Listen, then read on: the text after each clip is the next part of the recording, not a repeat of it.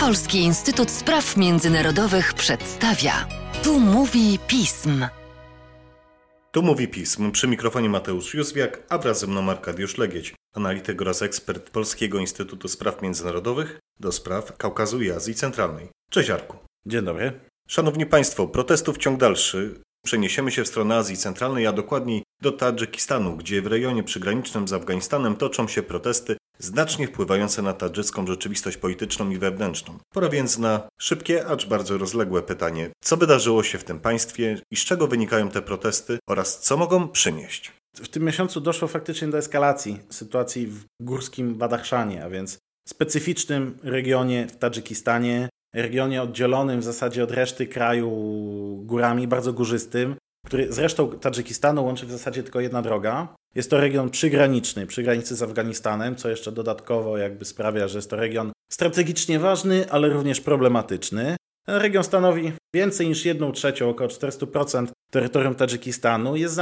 zamieszkany przez mniejszość etniczną narodową, Pamirów, którzy różnią się etnicznie, religijnie od Tadżyków, stanowiących główną grupę narodowościową Tadżykistanu. Jest to przede wszystkim ludność szyicka, jest to ludność z innej podgrupy ludów irańskich i zawsze ten region był problematyczny, zawsze ten region był pewnym takim ciałem obcym w Tadżykistanie, zarówno podczas wojny domowej w latach 90., jak i w okresie późniejszym. Okresowo dochodziło tam do różnych napięć, których przyczyną w mniejszym stopniu tak naprawdę były te wszystkie kwestie historyczne, religijne, etniczne, w większym stopniu były to kwestie polityczne.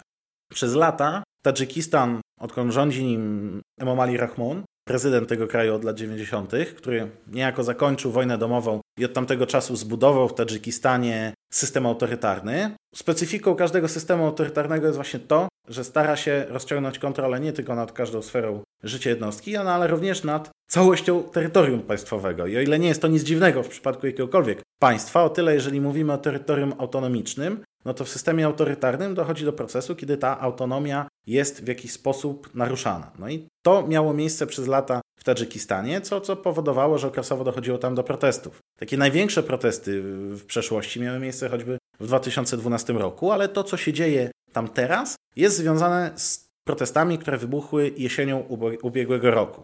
Zarówno w związku ze złą sytuacją ekonomiczną, która podgrzewała nastroje społeczne w tej części Tadżykistanu, ale przede wszystkim z polityką centralizacji ze strony władz w Duszanbe, lokalne władze, lokalni aktywiści, lokalna opozycja polityczna wznieciły protesty.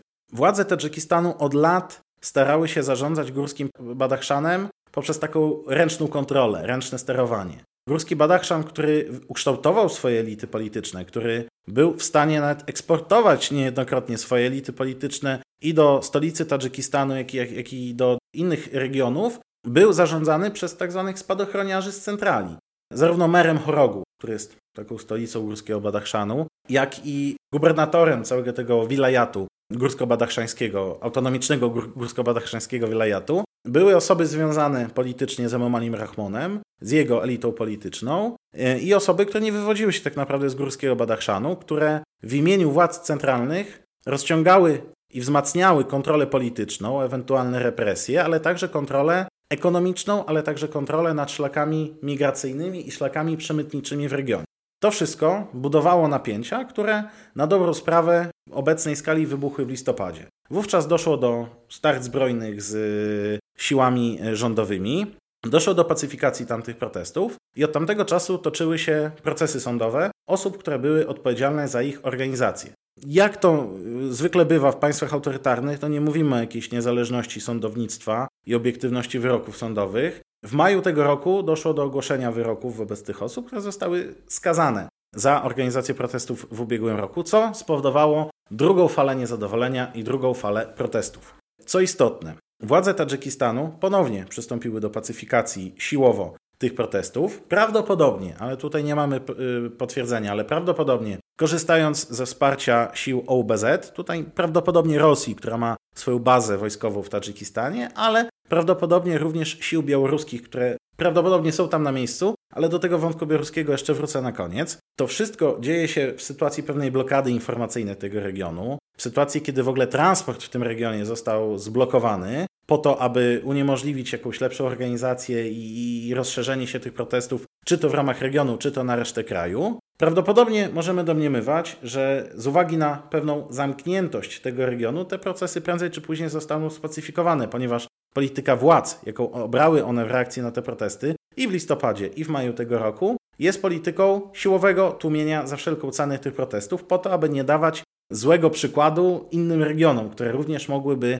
tego typu protesty związane czy to z przyczynami ekonomicznymi, czy politycznymi podnosić. Jakie to ma znaczenie dla stabilności Tadżykistanu? No właśnie sam region Górskiego Badachszanu nie odgrywa jakiejś kluczowej roli choćby w PKB Tadżykistanu, ale odgrywa kluczową rolę we wspomnianej kontroli szlaków przemytniczych. Jest to region graniczący z Afganistanem i elity polityczne, elity biznesowe, oligarchowie, ale także elity kryminalne powiązane z władzami w Duszanbe są w stanie czerpać w ten sposób rentę korupcyjną czy też rentę przestępczą z przemytu opium i z przemytu innych substancji prowadzonych przez to terytorium. Ale jest to również region istotny dla bezpieczeństwa samego Tadżykistanu. Istnieje bowiem zagrożenie, że w sytuacji, kiedy mogłoby dojść do dalszej eskalacji protestów, kiedy ten region mógłby się pogrążyć w większej destabilizacji, mogłoby to negatywnie wpłynąć na bezpieczeństwo całego kraju, ponieważ pamiętajmy, że jest to region graniczący z Afganistanem i jest to region od miesięcy co najmniej infiltrowany bardzo intensywnie przez komórki państwa islamskiego Horasanu, operującego w Afganistanie, ale nie tylko w Afganistanie, które,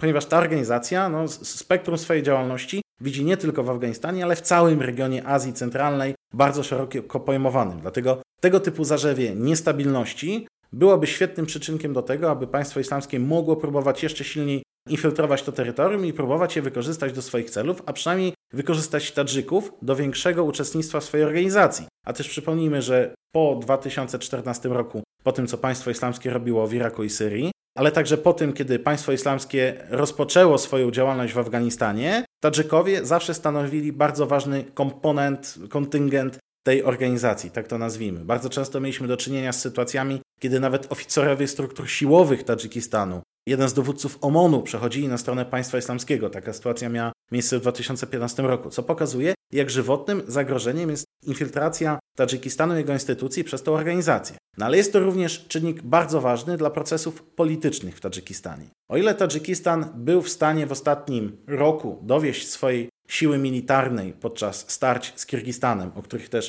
mówiliśmy, starć przygranicznych, o tyle no, wciąż mówimy o państwie, no, które no, jednak no, nie jest państwem stabilnym, nie jest państwem silnym, nie jest państwem zamożnym, jest państwem podatnym na tego typu zawirowania wewnętrzne, które negatywnie mogą wpływać zarówno na stabilność instytucji, na poziom życia ludności, na jej bezpieczeństwo, ale również na procesy polityczne. A od kilku lat głównym procesem politycznym w Tadżykistanie, oprócz oczywiście konsolidowania reżimu autorytarnego, który jest permanentnym elementem istnienia reżimu autorytarnego Emomaliego Rahmona, no jest również proces sukcesji. Emomali Rahmon ma 69 lat, więc teoretycznie Patrząc na, na metryki wiekowe, on jeszcze trochę porządzi, ale patrząc na przykłady z innych państw regionów, o których też tutaj już kilkakrotnie opowiadaliśmy, na przykłady Kazachstanu, na przykłady Uzbekistanu, na przykłady Turkmenistanu, na przykłady przygotowanych lub nieprzygotowanych sukcesji, no Emomali Rahmon chce przygotować grunt pod rządy swojego syna, Rustama Emomaliego, byłego mera Dushanbe, w tej chwili przewodniczącego parlamentu, Aczkolwiek tego typu proces przekazania władzy, jej konsolidacji i scedowania kompetencji nie poprzez instytucje demokratyczne, czy nie w oparciu choćby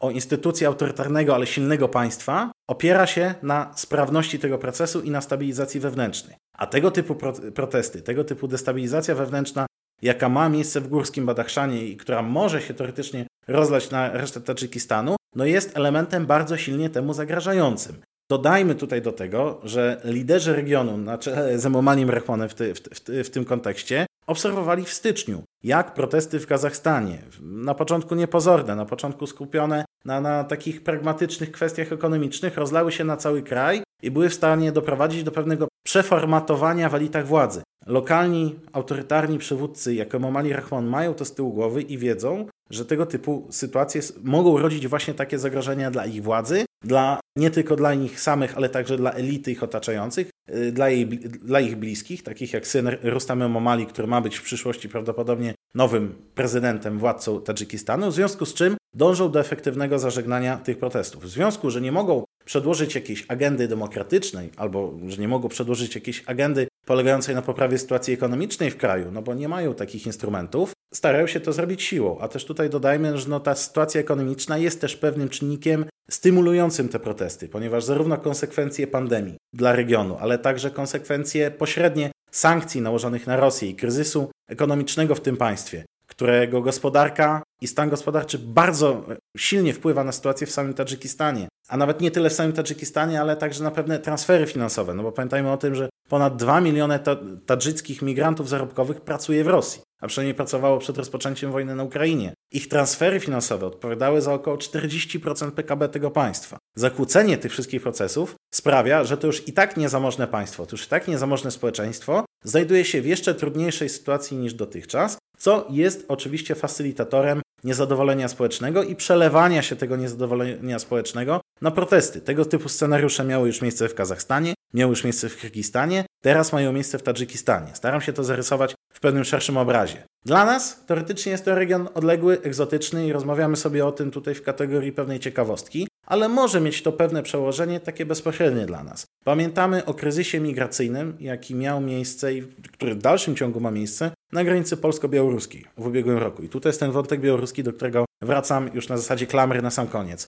Duża część migrantów transportowanych na polsko-białoruską granicę przez Rosję i Białoruś pochodziła z Azji Centralnej, z Afganistanu. Już w ubiegłym roku, w listopadzie, w październiku, opozycjoniści tadżycy publikowali nieoficjalnie różne dokumenty mające świadczyć o tym, że w górskim Badachszanie operują e, siły specjalne Białorusi. Było to o tyle zrozumiałe, że doszło wówczas do protestów i można to było tłumaczyć tym, że władze Tadżykistanu nieoficjalnie, po cichu, ale korzystają właśnie ze wsparcia sił OUBZ, stąd obecność Białorusinów. Ale dokumenty publikowane przez opozycjonistów tadżyckich świadczyły o tym, że siły białoruskie nie tyle wspierają władze Tadżykistanu w pacyfikacji sytuacji w górskim Badachszanie, ale są tam również po to, aby przygotowywać logistycznie przyszłe, kolejne trasy transportu migrantów z tej części świata do Białorusi, a następnie do Polski. Więc jeżeli doszłoby do efektywnego, powiedzmy, stworzenia tego typu kanału przerzutowego, albo jeżeli doszłoby do pogłębienia destabilizacji Tadżykistanu, co stymulowałoby presję migracyjną z tego regionu, no może być to czynnik, który odczujemy na naszej granicy polsko-białoruskiej. I oczywiście te wszystkie informacje na temat obecności Białorusinów w Górskim Badachszanie, sił białoruskich, no one nie są potwierdzone, one nie są oficjalne, ale już słyszałem o nich z tylu różnych mm, źródeł, że, że uznałem, że tutaj nieoficjalnie, jeżeli Państwo nikomu nie powiedzą, można się tym podzielić, ponieważ może mieć to konsekwencje nie tylko dla stabilności regionu, nie tylko dla sytuacji w jakimś odległym z polskiej perspektywy górskim Badachszanie, gdzieś tam w odległej części, w jakimś regionie, który nie jest do końca naszym priorytetem w kwestii czy zainteresowań, czy w kwestii polityki zagranicznej, ale może mieć to właśnie przełożenie na sytuację tutaj u naszych granic. A czy tak faktycznie będzie, przekonamy się w najbliższych tygodniach i miesiącach. Tymczasem dziękuję Ci Arkadiuszu za dzisiejszy podcast. Ja również dziękuję. A Państwa zaś zachęcam do śledzenia naszej strony internetowej, czytania najnowszych biuletynów i komentarzy, śledzenia mediów społecznościowych. I cóż, z mojej strony to wszystko. Dziękuję za uwagę i do usłyszenia.